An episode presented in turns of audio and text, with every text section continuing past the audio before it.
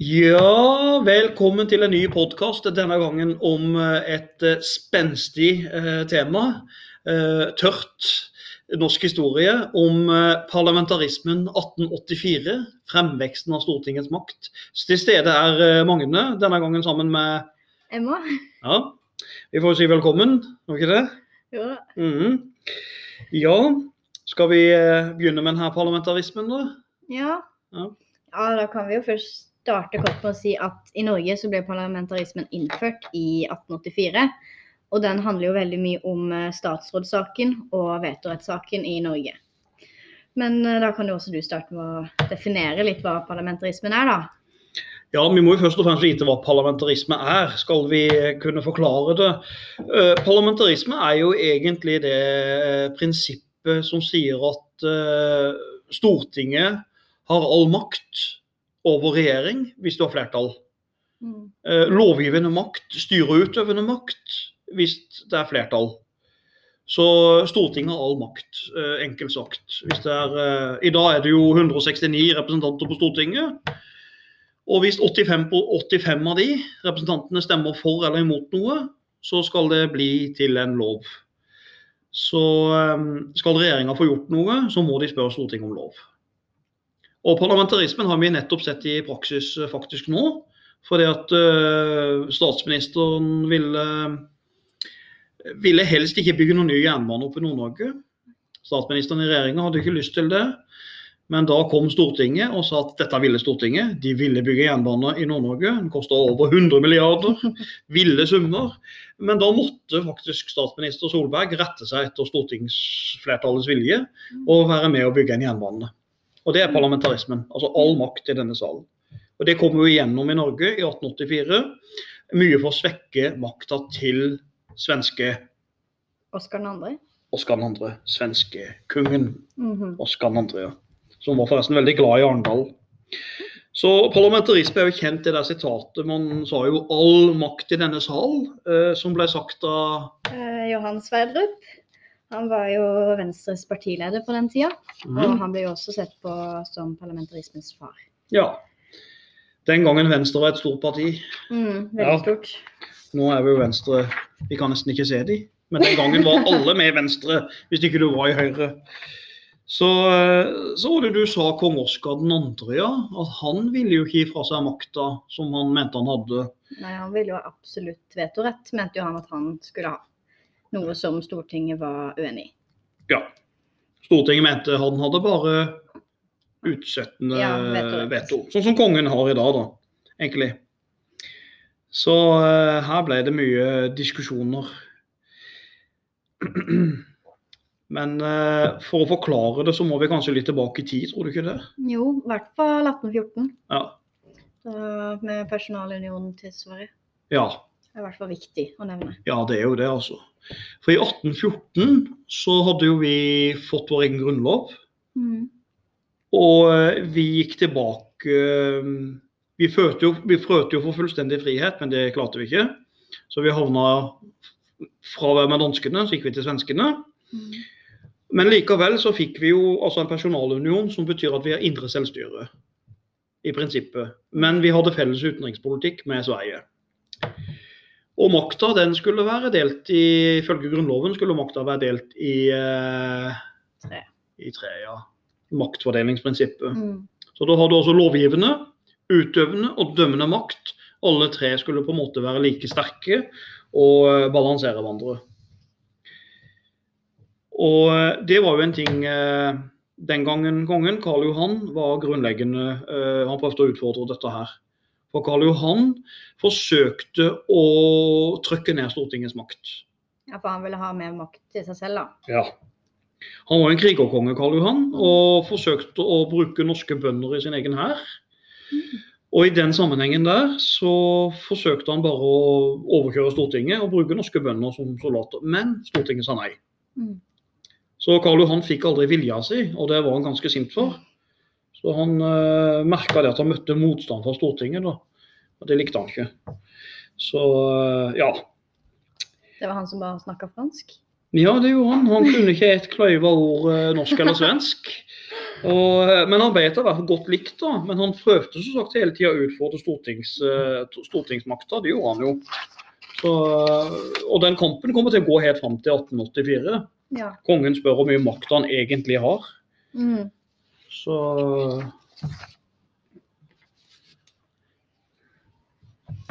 Men da kan vi også gå i hvert fall gjennom 1884 og embetsmannsstaten. Ja. Den er jo veldig viktig. Ja, den er det. Embetsmannsstaten er jo uh, sentral, ja. For det ble kalt det. Uh, Embetsmenn, uh, det var jo de som styrte uh, Norge politisk mye. Og det var jo egentlig ikke den vanlige norske mannen i gata. Det var eh, folk som var utdanna mye i Danmark. Mm. Eh, de snakka dansk, mange av de. Og de ja, hadde studert på Universitetet i København kanskje. Og var mye prester, biskoper, jurister. Og de hadde ikke noe særlig sånn at de ville jobbe mye for norske forhold. Det var ikke noe de var kjempeinteressert i. nødvendigvis. Så embetsmannsstaten ble jo etter hvert upopulær, for den var veldig lite opptatt av å jobbe for norske forhold. Mm. Og det var jo den gangen regjeringa. For regjeringa den gangen, de satt jo selvfølgelig i Nordens paradis, nemlig Ja. Så regjeringa satt bare i Stockholm og gikk nesten aldri inn til Oslo eller Kristiania og brydde seg om norske forhold. Og det var jo utfordringa. Mm. Så hvem brydde seg om Norge? Norge var en utkant i forhold til Sverige. Og det er jo her noe av problemet begynner. Men vi har, jeg mener man, Det finnes en rekke grupper nå som vil ha et sterkere storting fordi at det skjer en del utfordringer i Norge som må løses. Ja. Norge har en del sosiale problemer, økonomiske problemer. Da trenger man et storting som bryr seg om det norske forhold og norske folk. Mm. Der er liksom utgangspunktet for at vi vil ha parlamentarisme på plass. ja. Og da har vi jo kan vi, si, vi kan jo si de fire eller fem kreftene da, som jobbet for parlamentarismen. Ja, ulike grupper som jobber for en, en sterkere storting. ja. Uh, ja, Vi i hvert fall, vi har i hvert fall nasjonalistene, som f.eks. Tidemann og Gude. Ja, De var jo veldig inne på det med f.eks. brudeferden i Stavanger. Nei, Hardanger. Det er sikkert, er sikkert hyggelig, hyggelig Stavanger akkurat. Ja, ja. Alternativ historie. Det er fint. Ja, det er bra. Jo, men du har jo sånn, det er jo sant det. Altså, Nasjonalister sier seg selv. Altså, Asbjørnsen og Moe og Ja, ja. eh, det- samla inn eventyr. Og det heter de eh, Ja, de Askeladden, typisk norske. ja. Eller Oskeladden, som de kalte han nå. Han satt i Aska. Ja, Ja. Fun fact.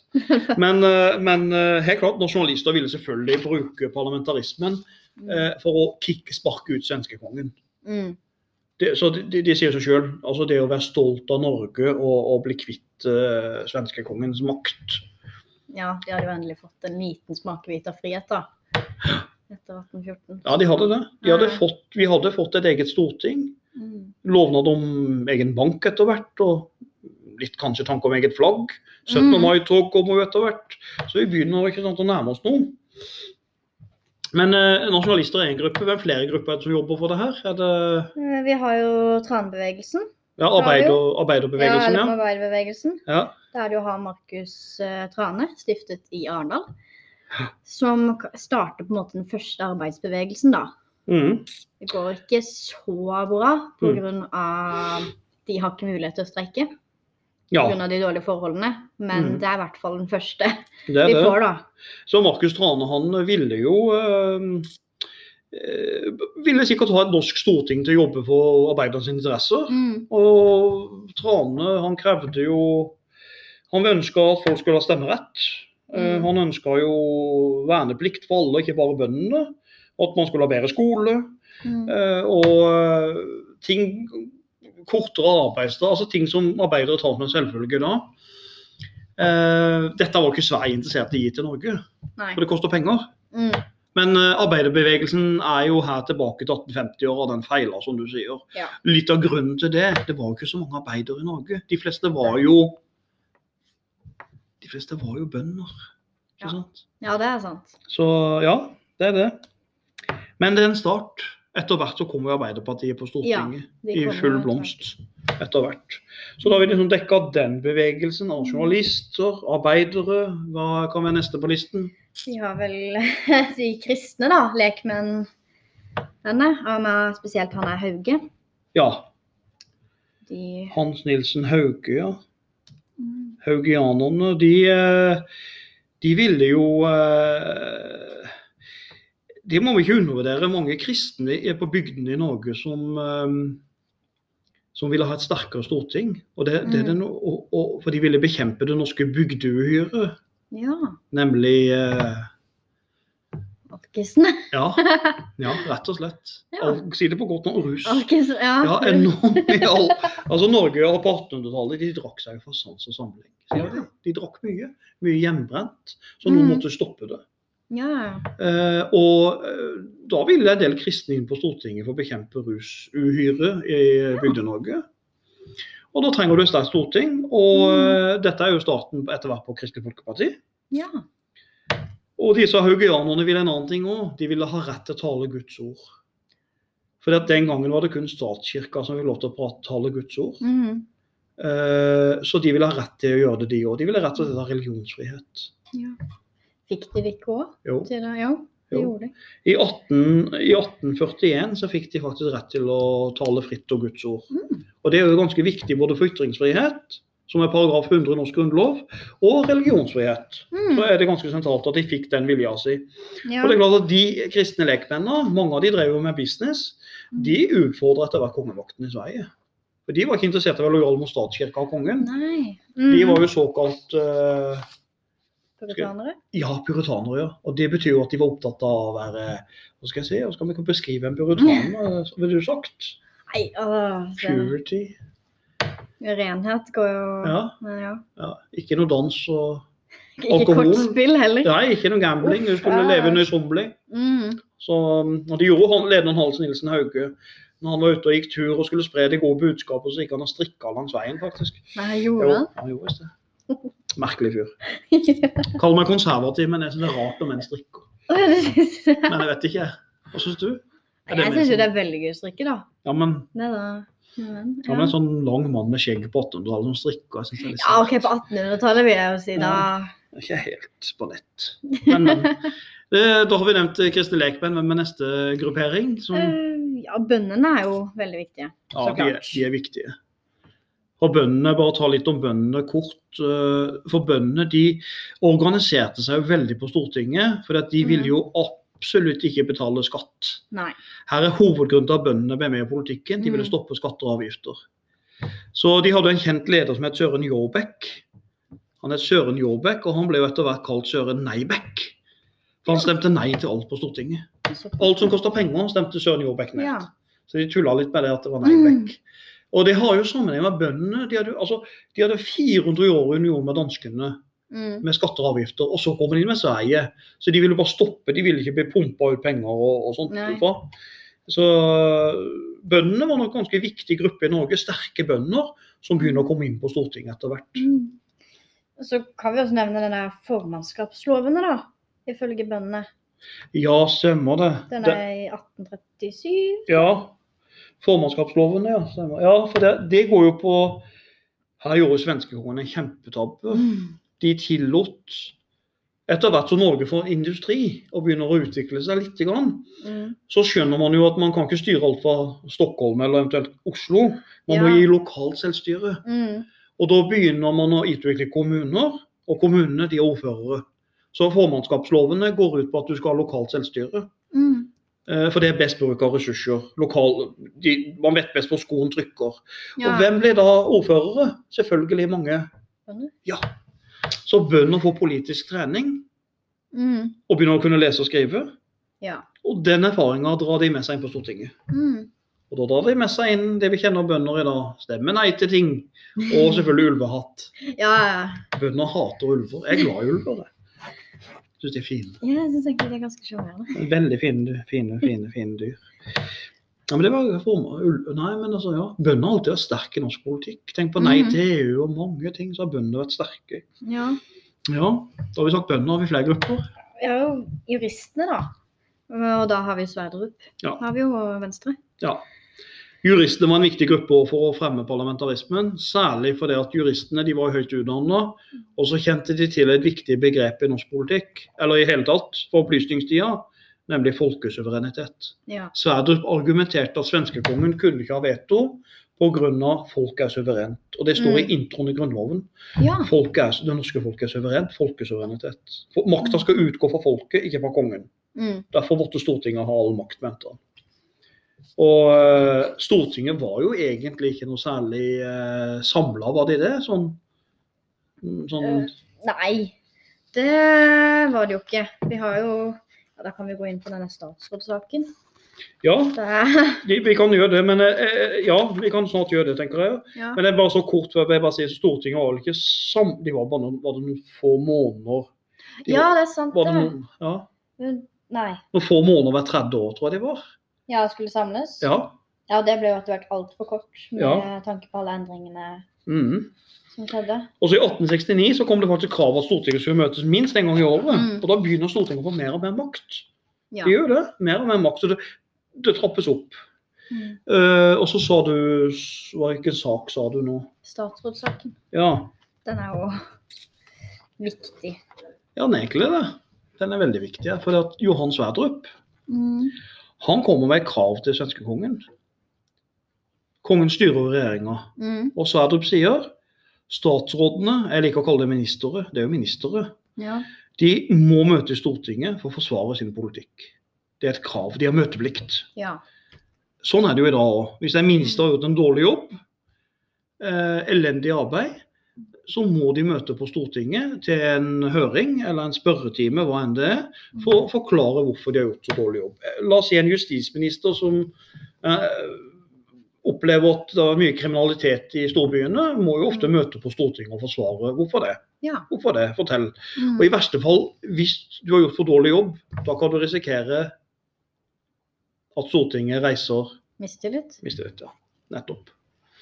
Og da kan du risikere at ministeren må gå av, Mm. eller i verste fall hele fordømmende Må gå ut. regjeringa. Ja. Mm.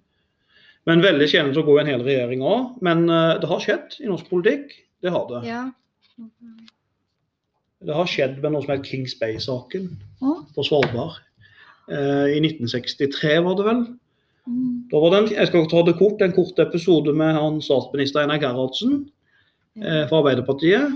De skulle, det var noen gruer på Svalbard som var rasfarlige. Stortinget hadde varsla om det. Og så raste gruene. Jeg tror det var 17 mennesker som døde. Ja. Og da måtte til slutt eh, Mm. Da krevde Stortinget at regjeringen Gerhardsen trakk seg. Mm. De måtte trekke seg.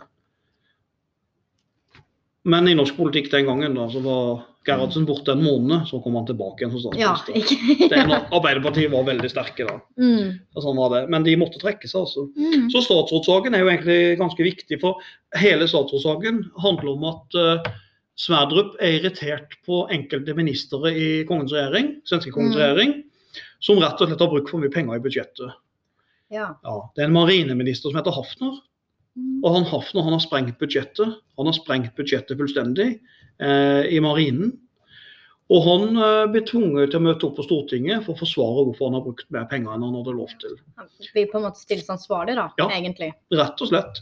Og han, eh, man ender til slutt at han måtte gå av. Han, Ja. Ministrene må gå av. Listhaug, Sylvi Listhaug måtte jo gå av Mm. som minister pga. noe uh, uttalelse hun hadde om uh, Innvandring? ja, innvandring og Utøya, var det den Ja. faktisk. Ja.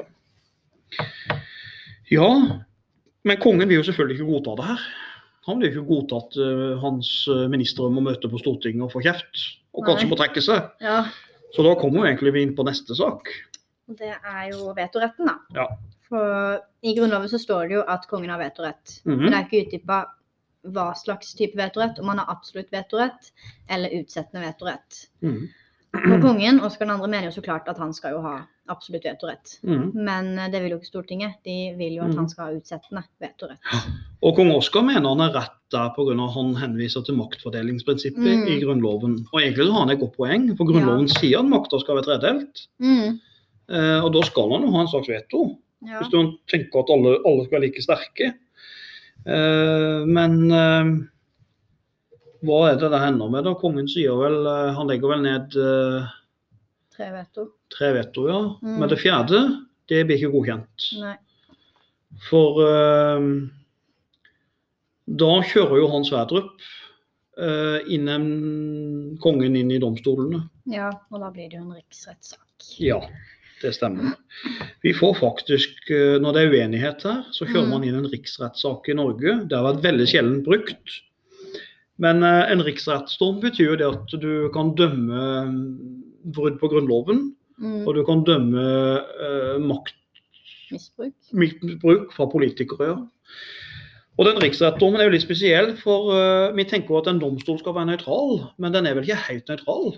Nei, det er den jo ikke. Det var jo en god del av Venstre sine partier, eller i hvert fall som var i den domstolen. da. Og Johan Sverdrup var veldig på det at han ville at kong Oskar 2. skulle ha utsettende vetorett. Ja. Så da, under rikssaken, så ble det jo gjort om til pga. flertallet av Venstre at Ja. det ble utsatt. Jeg kan ta litt detaljer der, for i selve dommen Mm. så var det sånn at det ble, det ble utnevnt eh, eh, Det var to forskjellige dommere man henter inn. Man henta inn ni dommere fra Høyesterett. Mm. Og så fikk Stortinget i tillegg lov til å plukke ut 17 dommere. Og Ja. Stortinget plukka ut 17 dommere. Og som du sier, når Stortinget plukka ut 17 dommere, så henta de fra venstrefolk. ja. For Venstre hadde vunnet, hadde et brakvalg. Det var flest venstrefolk på Stortinget. Mm. Så, så man fikk inn 17 dommere med et svært flertall. Altså Venstre hadde flertall i domstolen. Mm. Venstre-sympatisører i domstolen. De ni dommerne fra Høyesterett, en del av de mente kongen hadde rett. Ja. De mente kongen kunne ha vetorett. Mm. Eh, men eh, et stort flertall av de dommerne som tilhørte Venstre, ja. de gikk selvfølgelig eh, inn for at kongen kun kunne ha utsettende veto. Mm. Og dommen kommer jo da. Dommen som kommer nå, den sier det at re kongens regjering må trekke seg. Dette blir ganske dramatisk. Kongen Mm. får beskjed i en riksrettsdom at hans regjering, eh, den heter regjeringa Selmer, regjeringa Selmer må gå av.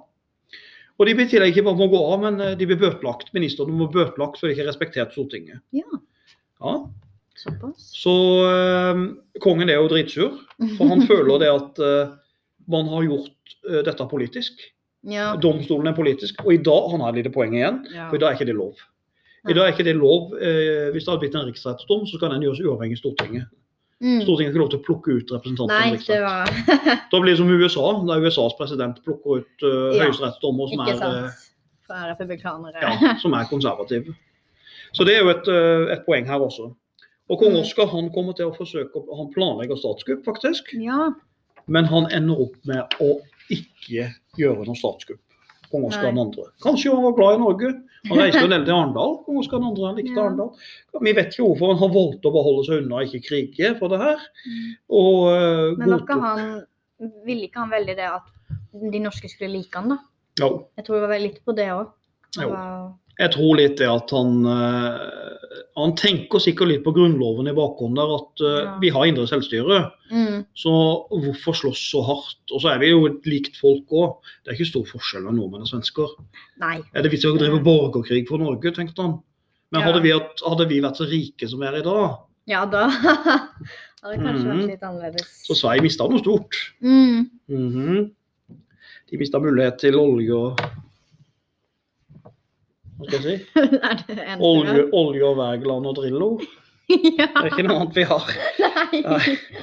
Ja, så i, 19, så i 1884 da blir jo Sverdrup Olsen statsminister. Mm. Norges første demokratisk valgte statsminister. Mm. Med fra Venstre, selvfølgelig. Og da får han et flertall i Stortinget bak seg. Ja. Så han blir demokratisk valgt statsminister, ja. Mm. Så kommer liksom de to store partiene er jo Venstre og Høyre på Stortinget. Høyre er jo veldig lojale mot kongen, de er konservative. Mens Venstre er jo et veldig Mm. ja, ja svært parti. Mm. Ja Skal vi si noe mer politisk der, eller skal vi Nei. Skjedde noe mer med partiene, kanskje? Jeg vet ikke. Ja, vi kunne jo gått litt mer innom Venstrepartiet, siden det er så stort. Ja. Men Ja, vi kunne jo nevnt litt om de. mm. Johan Sverdrup får ikke en lett jobb som statsminister, for Nei. Venstre er så svært.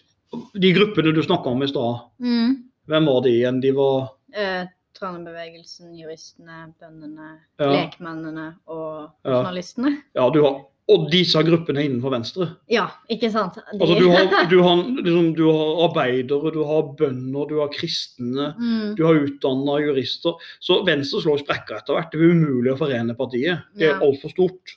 Så til slutt så hopper jeg en del ut av Venstre, er Arbeiderpartiet etter hvert. mm, Og så hopper en annen del ut, det blir jo KrF. mm. Og så kommer selvfølgelig bøndene ut, og de blir jo til uh, Bondepartiet. Så Ja. det ene etter det andre, så Venstre rakner. Og mm. Sverdrup får jo veldig problemer med én sak. Den norske dikteren. Om jeg ser om du kan det. Han skrev 'Gift'. Han skrev uh, til Else Var det Else den het? Han skrev uh, 'Garman og Vorse'. Alexander Kielland. ja. Alexander Kielland. Ja, så han Han skapte splid i partiet. Ja. Det var en forferdelig sak Sverdrup fikk der. mm, Fordi at uh, han hadde jo Det kom opp et spørsmål om han skulle få lønn fra Stortinget, eller lønn fra staten. Sverdrup? Ja, nei, han eh, Unnskyld, eh, han Kielland. Ja. Men Kielland sympatiserte jo veldig med La oss si Han var veldig sånn venstrepolitisk. ja.